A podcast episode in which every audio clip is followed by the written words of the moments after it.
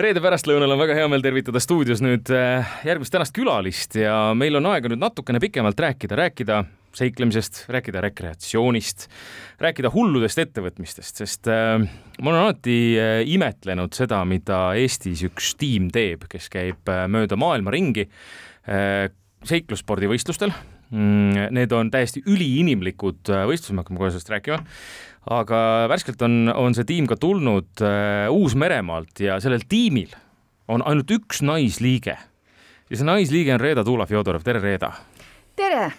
kui kaua, räägime kõigepealt võib-olla alustuseks lahti, mis asi see seiklussport on, kes ei tea üldse? Lühemalt kokkuvõttes on ta siis navigeerimine kaardi ja kompassiga etteantud maastikul erinevaid liikumisvorme kasutades, magades nii palju, kui tiim otsustab ja ise kogu oma varustust kandes. See on ju, noh, põhimõtteliselt orienteerumine, aga sellele lisanduvad siis erinevad muud elemendid juurde ta kasvab sealt välja just. jaa, baas on ikkagi selline meie võib-olla orienteerujale ja vähem orienteerujale äh, tuttav rogain mm, -hmm. mida siin pakutakse rekreatiivses vormis ka päris äh, erinevat tüüpi seltskonnale, peredele, lihtsalt jalutajatele. kuidas sa jõudsid selle juurde? otsiti äh, asendusliiget mitu aastat tagasi see oli? ma arvan, et see oli kuskil kaks tuhat seitseteist või kuusteist selleks ajaks olin ma vastupidavusspordialasid juba omajagu harrastanud, mu meelissari oli siis Tartu maratoni kuubik. no üritasin seal tubli olla ja ilmselt tublidus äh, hakkas silma ja siis äh, tänaseks on see agarus ogaruseks vist muutunud Kristjan, ma küsin sinu käest niipidi, et Nii. Eh, millal Reeda sinu teadvusesse jõudis? Tartu maratoni kaudu, sest mina olen Tartu maratoniga seotud olnud, ma arvan, üle kümne aasta vist kindlasti juba ja mm. erinevate üritustega informaatori tööd tehes. ja no Reeda nimi oli ju, figureeris kogu aeg seal eesotsas, eks ole, kas siis poodiumil või seal poodiumi läheduses kogu aeg ja ja need aastad ja siis ma sain aru, et, et Tartu maraton oli ainukene, kus sa Reeda käid, see noh, ei olnud nädalavahetusel üritust, kuhu ma ei oleks sattunud, kus sa ei oleks võistelnud. ja, ja siis, siis mul noh, sealt juba ikka nagu suht suhted inimestega ja, ja sealt kuidagi meie omavaheline tutvus, ma arvan, on, on ka kuskilt sealt alguse saanud. me oleme Redaga vabatahtlikuna teinud siin tipust topini üritusi ja, ja igasuguseid muid asju.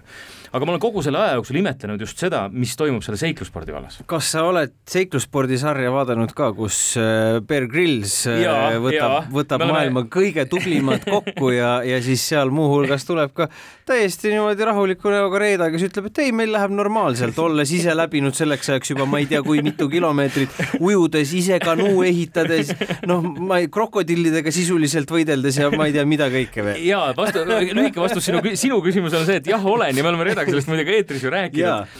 aga, aga võib-olla räägiks äkki sellest, mis on see värskem asi, äh, mille ma olen, kuna mul see nimi meelde jäi, siis ma nimetan seda Godzilla Monsteriks, aga, aga mis on tegelikult siis Godzone Fjordland kaks tuhat kakskümmend kolm kus te märtsis nüüd tulite, see on Uus-Meremaal toimuv võistlus. Eh, te olete, sa oled ju ka valitsev eh, nii-öelda eh, MM-i hõbe, eks ole. kas see oli nüüd MM või ma ei ole päris täpselt aru saanud, mis võistlus ta nüüd ikkagi oli?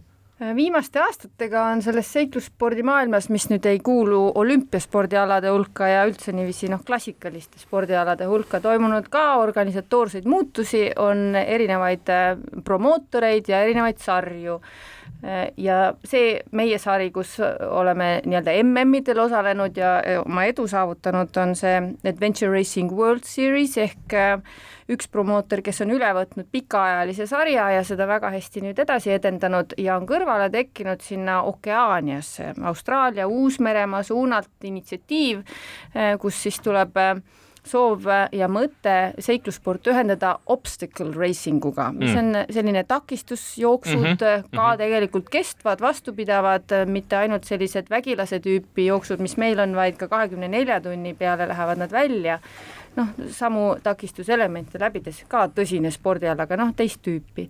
ja siis neil kahel organisatsioonil omavaheline koostöö väga hästi ei ole siiamaani edenenud ja siis sellest tekivadki need erinevad äh, nimetused, et kelle mm milline on ja Uus-Meremaa Guard Zone Expedition Racing World Championship on siis see teine suund ja nad ei nimeta ennast mitte Adventure Racing World Championshipiks, vaid ekspeditsioon mm. võistluste maailmameistrivõistluste etapiks või, või noh, distantsiks mm. -hmm väga selgelt mina ka veel aru ei saa, kuhu see triivib ja mis sellest saab, sisuliselt minu jaoks ei ole vahet, kas ma olen Paraguay's, Uus-Meremaal, Panamaal või Lesotos minu jaoks on see elu seal kogu aeg sarnane. aga, aga, aga distantsid, kas need on kuidagi paika pandud, noh, nii nagu olümpial on sada, kakssada, tuhat viissada, pool maraton, maraton, nii edasi, nii edasi? Ehm, need ehm, MM-i tüüpi sarjades, seal ikkagi kestused kipuvad olema neli kuni kuus öödpäeva mm -hmm. ja mhm. siis nad seal noh, sõltuvalt maastikust, ilmselt raskusastmest, aladest, nad püüavad seda seal hoida, no on olnud ka tsoone, mis on ka seitsme ööpäeva peale läinud, ehk siis ühed pikimad, võiks öelda, aga kõik, mis on siin maailmasarja karussellis liiklevad, siis äh, seal meil tavaliselt on niisugune neli öödpäeva olnud ja noh, see eelmine mm, kus me oma augu leidsime tulenevalt sellest, et ta osutus pikemaks ja me oma strateegiatel natukene vedasime end alt, siis vot juba neli-viis öödpäeva nõudis äh, teist strateegiat hmm.. no kui seesamas Kaatseun, ma saan aru, teil läks kas kuus või seitse päeva nüüd kokku?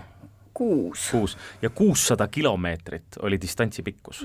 see on, ma saan kaksteist tuhat ruutkilomeetrit täiesti sellist puutumata loodust, mis seal Uus-Meremaal on, jah?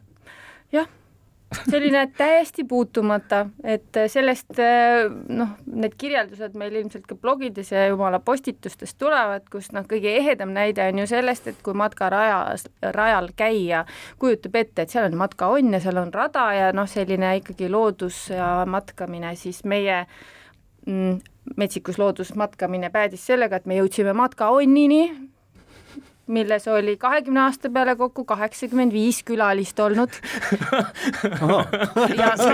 väga hea statistika. see on äh, väga hästi külastatav koht, ega sinna radu ei läinud väga aga noh, kuna Uus-Meremaal on ka neid radu, matkaradu, mis on ju tasulised ja need Milford äh, track ja Kepler track, mis on väga tuntud, äh, siis seal on nad ikkagi rajad, rajad, meie mõistes ka rajad, mida me RMK-s näeme ja mujal maailmas ka kenasti need äh, alpirajad alpiaasade vahel ja et ja matkaonnid on matkaonnid ja nii edasi, et ega sellel Uus-Meremaal oli seda looduslikku võimsust ja, ja ehedust nii palju, et see tõesti Silveri sõnadega surus meid vastu maad. ma kujutan ette, et see on siiski üks parimaid viise maailma tundmaõppimiseks kindlasti et sa ei vaata lihtsalt auto aknast. üks ja, raskemaid ka, ma kujutan ette. kindlasti üks raskemaid, aga, aga need äh, meenutused, mälestused ja need ilmselt need emotsioonid, mis äh, sinu ja, ja teie tiimi peas on, need on täiesti kustumatud Nad jäävad jah, ja eks nad natukene muutuvad, sest vahetult pärast võistlust on ühed tulenevalt siis, millised võlud ja valud seal on olnud. Ja siis hiljem, eks pinnale jäävad teised ja, ja omamoodi mõjutab seda maailma tundmise kogemust ka see, eh, kuhu sa satud eelnevalt või pärast majutuma või millisesse seltskonda ja kas sul on aega seal natuke trippida ka ja no jällegi Uus-Meremaa, mis on värske kogemus, siis äh, mulle väga meeldisid äh, see äh, noorpaar, võiks öelda, kuuekümnendates, kes meid majutas oma kodumajutuses, neil oli kõrval selline maja, jutt jooksis erialaselt väga mõistvat, sest noh, kes oli siis huvitunud jahtimisest ja kellel oli siis huviala murdmaasuusatamine. ohoh, ohoh, Uus-Meremaal, okei okay.. ja mõned seal on. ja, ja siis nad olid oma ametilt füsioterapeudid ja tuli välja, et proua oli siis varem ka seiklussporti teinud ja nad nii palju rääkisid sellest, mismoodi see eluolu seal Uus-Meremaal on, kuidas Lõunasaarel ja Põhjasaarel on omad sellised mm. kanad kitkuda ja siis mida see orkaan, mis seal just äsja oli, on teinud tegeliku eluga, et see, mida sa ei loe kuskilt mujalt välja mm. väga mõnusad vestlused ja jutuajamised. aga palju selle kuue või seitsme päeva jooksul, mis kulub ühe etapi läbimiseks, palju sa üldse jõuad vaadata ümberringi? ma saan aru, et nüüd viimane oli eriline, sellepärast et olgu öeldud ka kuulajatele, eh, reedal läks menisk, vähemalt esmi-, esialgsetel andmetel ja sa tegid lõpuni selle. mitmendal päeval sul see juhtus? ma hakkasin seda hästi tugevat valu tundma kolmekümnendal tunnil ehk see on nagu teisel päeval võib-olla siis. Ja siis oh, noh, see ma, ma üritan seda kuidagi protsessida. Protsessi, aga ära füüsiliselt püüa seda protsessida, sest ma ei soovita, see ei ole väga tervislik. kolmekümnendal tunnil, siis, siis surusid hambad ristis edasi? jah, hambad ristis või siis paned midagi hammaste vahele aga no ega katkestamine minu jaoks ei olnud peas mitte ühelgi hetkel, sellepärast et nii kaugele on mindud, ootused olid kindlasti kõrgemad, kui sealt nagu tegelikult välja tuli. kümnes koht, eks ole, lõpuks. Mm -hmm. Aga... katkise meniskiga. jah ja siis ega selles hetkes ja kui seal käidi ja siis seal parameedik, kes äh, ikkagi kutsusime vahetusalas juurde, natukene vaatas ja kompis, aga no mis sa kombid, see on ju nii paistis ja nii valus, et ta ei saa näppugi ligi panna. et siis noh, ikkagi meniski kahtlus oli kogu aeg, kuni lõpuni välja, ega sa ju ei tea, mis tal tegelikult viga on. mul ei ole ennem olnud sellist vigastust, ma isegi ei oska öelda, kas ta on millegi sarnane või no ja ega ennem teada ei saanud, kui siin kodus olid kõik arstid ja asjad nagu läbi käinud, aga tükk aega oli oli siin veel seda valu ja paistetust, sest noh, oli ju aega juurduda pärast seda, ei... ilmnes valu, aga tuli välja kõigi äh, meele heaks või meele pahaks, ma ei tea, ei ole ei rahvuslikku põlge, põlve ega meniskeid katki, vaid äh, tegelikult äh, noh, võib siis öelda, oma rumalus maksis mhm. vitsad kätte ja loodus surus maha, ettevalmistus kehv, ülekoormus meeletu sa ütlesid, et, et see on ettevalmistuses, kuidas sa valmistud üldse ette üheks selliseks katsumuseks? tavaliselt on ju teada, millised äh, tegevusalad on ja nad on noh, tüüpiliselt ikkagi maastikurattasõit, on seljakotiga, pead äh, igal pool siis jalgade peal rassima, on midagi, mis on äh, vee peal aerutades ühe või teise alusega ja noh, siis mõningal juhul ka köietegevused sel korral neid köietegevusi ei olnud, üks asi vähem, aga noh, sellist äh, siseaerutamist ja mõned korrad jalgratta peal jalgadele meelde tuletada, millega tegu on, sai tehtud ka Uus-Meremaa jaoks. tavaliselt, kui võistlused on sellises kevad-suvises hooajas, ei ole probleemi, sest siin kõik need Tartu maratoni sarjaüritused ja rattamaratoni üritused ja meie X-Streamid, mis on mm. olnud, noh, kõik on hea ettevalmistus. Rogainid ka. aga sel korral oli ta ju veebruari lõpus minu taust on ju murdmaasuusatamine, mida ma väga armastan ja noh, tänase selle just olnud talvega, mis oli perfektne mm, -hmm. ma siis tegelikult noh, lasin sellel talvel ennast kaasa viia ja suusatasin rohkem kui oleks pidanud käima seljakotiga võib-olla mm. mööda mingit nõlva rassimas jalgade peale üles-alla ja nii edasi, et jalgu ette valmistada, sest noh, jooksed küll nädalas korra, aga see ei ole see ma ei saa ikkagi aru, kuidas seda on võimalik teha katkise meniskiga, kuidas sa, mismoodi sa sõidad jalgrattaga nii, et su noh, põlv on nagu paistes nagu kivi? Kordan veel, meniski ei ole katki, jumal tänatud, ma saan varsti, varsti ma saan jälle minna. kuidas, kuidas sa kirjeldasid, et arsti või et, et Velsker ei saanud ligigi tulla, et see oli juba kilomeetri kauguselt näha, et see on paistes? jah, valus, aga ma ütlen, sa ei mõtle sel hetkel. kas, kas see on vaimselt kuidagi surud selle alla, et noh, see on, see ongi see, et kui sa kuus-seitse päeva teed, sa pead ju vaimselt olema ka suruma alla selle, et sul ei ole und, nälga, ma ei tea, mida iganes. seal ei ole enam see, et adrenaliini pealt ja, lükkad mõne tunni ja. ära. eks valuvaigistid on üks mis ja, töö ära teeb ja, ja siis kindlasti. on sul neid äh, mitte tervislikke komme igasuguseid mm, -hmm. ma kutsun neid kommideks, sellepärast mm -hmm. et neid sai söödud kui komme. lihtsalt käis kogu aeg midagi suhu, oli see siis äh, mingi arkokse tüüpi asi või paratsetamool või mm -hmm. ibukas, väike paus äh, noh, need tegelikult noh, mingil määral teevad tööd, mis hoiavad sul selle karjuva valu ära, et sa mm -hmm. nagu iga kord ei karju. Äh, ja aga kui see üle hakkab minema, noh siis ma ei tea, vead seda järel ja mõtled, et eh, noh, finišijoon on ju varsti ja meeskond on ju ka noh, peab saama ju. aga meeskonnast rääkides, eh, kas ma korra nimetan ja. ära ka, Silver Rain Eensaar, Timo, Timo Tammemäe, eks ole, on see ja sina on see põhituumik alati. kas, eh, aga, aga just vot see ongi, et kas, kas üks käsi saab vahetuda ka või tegelikult on ikkagi see, et see nii-öelda kolmene punt peab käima alati ühtemoodi, sest sa juba täna tead, kuidas teine, teised mõtlevad. neljane punt. või neljane jah, vabandust ja kõik on kogu aeg koos otsast mhm. lõpuni mm -hmm. ja kui üks ära kukub mingil põhjusel, siis äh, me oleme nagu joonealused, nii ehk naa, teised saavad edasi minna mm., et lihtsalt saada kogemust. et võib ka üks jõuda finišisse lõpuks? jah, ilmselt, ilmselt ei ole tervislik ja ilmselt seda üksinda keegi ei teeks, aga noh, kas kaksi või kolmekesi mm -hmm. oleks nagu valik ja selliseid äh, meeskondi, kes niiviisi lõpuni tulevad, on küll mm aga varumehi ka on, et noh, ma ei tea, kaks päeva enne väljasõitu tuleb äh, noh, see põlv on ikka nii paistes, tead, et ei saa või, või, või mis iganes kellelgi juhtub. see varumees peab siis pingilt tõstma ennast ennem võistlust ja ennem väljasõitu ja, siit, et siis ma pean juba ette siis... teadma, et mul ilmselt läheb midagi kui palju te aastas teete selliseid tõesti noh, üliinimlikke katseid, nagu need on? Kolm kuskil keskmiselt on plaanis, kellel neli, vahepeal me käime oma põhimeeskonna väliselt äh, teistel meeskondadel, kas mm. siis asendusliikmeks või siis ongi lisavõistlus, äh, kellel kuidas võimekus, aeg, äh, tahtmine lubab. millal järgmine on? minul on maikuu keskpaik. mis see on? Horvaatia seiklusspordisarja etapp ja eeldatavasti niisugune seitsekümmend viis tundi öeldakse võitja ajaks. see on selline sprint sinu jaoks, ma saan aru? ei, see on, ma arvan, täitsa hea pikkusega etapp ja noh, ka sinna viiesaja kilomeetri juurde, eks nad ole kõik sellised eh, neljasaja viiekümnest kuuesaja vahemikku need pikemad.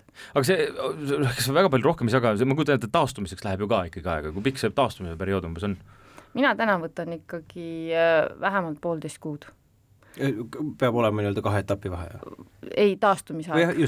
aga teisele etapile ma isegi nagu no see on harva, kui sa julged lubada endale mm. seda, et sa siis lähed kohe äh,, aga mulle täna tundub, et äh, selle pooleteisega taastub enam-vähem ära, eks sa liigud sel ajal ka ja hoiad ennast liikumises, aga ma olen tunnetanud, et selline isu ei tule ka kähku tagasi mm., et noh, vajab nii vaimselt kui füüsiliselt, vajab nagu puhkust, et noh, kuu aja vältel ega ma väga numbrit selga ei tõmba ja ei tahagi tõmmata ja siis lihtsalt väldin kõiki nagu pakkumisi ja võimalusi, mulle sobib jalutamine väga hästi ja omas tempos kulgemine.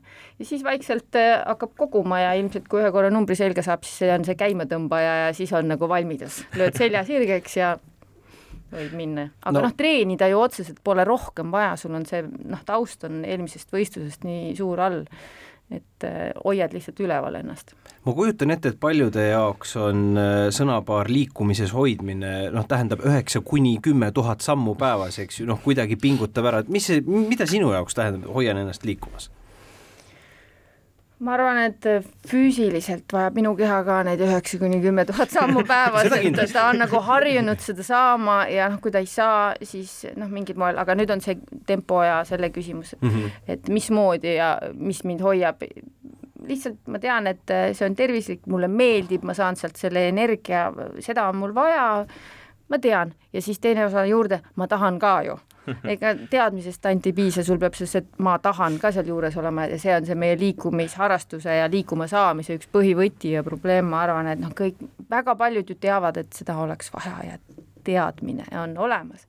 Aga et see tahtmine hästi tugevalt sisemise motivatsiooniga kõrvale tekiks ja see tugisüsteem, mis seda ka toetab, et et äh, teised ütlevad, et tule minuga, ma korjan su peale või et ma olen sul ukse all juures, lähme teeme või, või noh, lähedki rühmatreeningusse, kus sa lihtsalt ütled, no ma liigutan kaasa, sest rumal on ju seista siin niiviisi, kui teised liigutavad, ehk neid triggereid, kuidas ennast nagu käima tõmmata, on erinevaid. ehk et see klassikaline kõige raskem samm on ikka sealt diivani pealt püsti? jumala eest, jaa aga sa oled ju, eh, Reeda, ka ise Tallinna Ülikoolis rekreatsioonikorralduse õppejõud see, kui sa natukene selgitad lahti, see tähendab täpsemalt mida?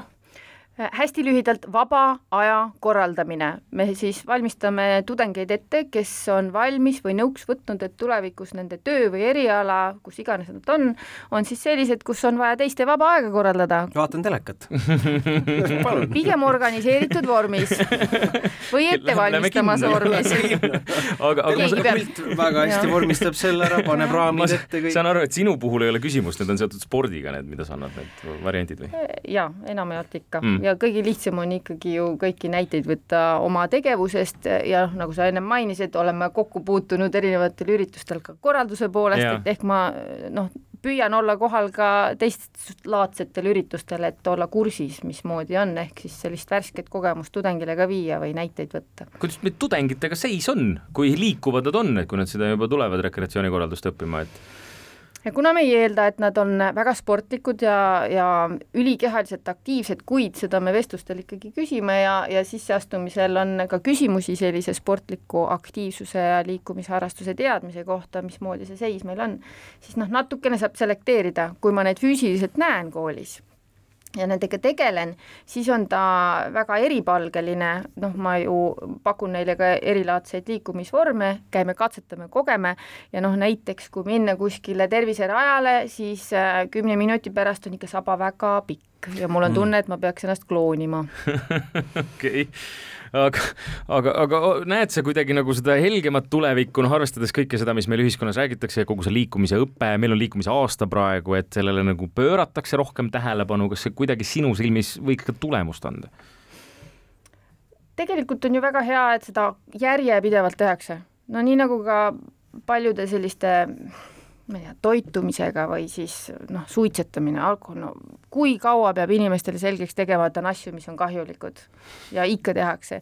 ja siis kui palju peab tegelikult noh, teavitama ja inimesi informeerima, erinevaid programme järjepidevalt kogu aeg tooma neile nagu koju kätte, noh siis võib-olla on nagu lootust rohkem ja vaikselt kahaneb, aga jah, võib-olla see ütleme just laste ja noorte poole pealt tundub, et see traagika on kuskile sisse kodeeritud, et, et neist nagu jagu saada. Need, kes juba liiguvad, nendega ei ole probleemi, need, kes lugeda oskavad ja nendest programmidest, noh, kes, keda adresseeritakse, nendega on ju toredasti, lihtsalt on küsimus, et millal see ma tahan saab nagu iganädalaseks. Mm aga just need, kes, kes ei ole seda enda jaoks leidnud või kellele elumured on nagu peale vajutanud nii palju, et noh, nad ütlevad, et see on mu ju kolmas või neljas valik võib-olla, kui ma peaksin need asjad ritta panema, siis, siis äh, nendega on nagu raskem. ja lapsed-noored siis ma tunnistan, et jumal tänatud nendele üliõpilastele, ma natukene adun, mis toimub nagu nooremas põlvkonnas, aga nad on ikka niivõrd erinevad ja nendega suheldes ja olles, siis saad aru, et ega siis nad ei olegi minu moodi ja nad ei tahagi minu moodi neid asju teha. mina pean õppima noh, aru saama, mis nende jaoks ja mismoodi neid kõnetab. ja tegelikult see, et see rida mul pikk on nende võimekuse poolest, ei olegi halb, peaasi, et liiguvad ja kaasa tulevad, minu arust see initsiatiiv ja see tahtmine tulla ja lihtsalt ükskõik mida teha, on nagu võti juba. see, kuidas nad leiavad seltskonna, et sellega järjepidevalt tegeleda, no see on järgmine teema. ja siis need noh, nendest veel nooremad, omal ju kodus üheteistaastane ja kolmeteistaastane.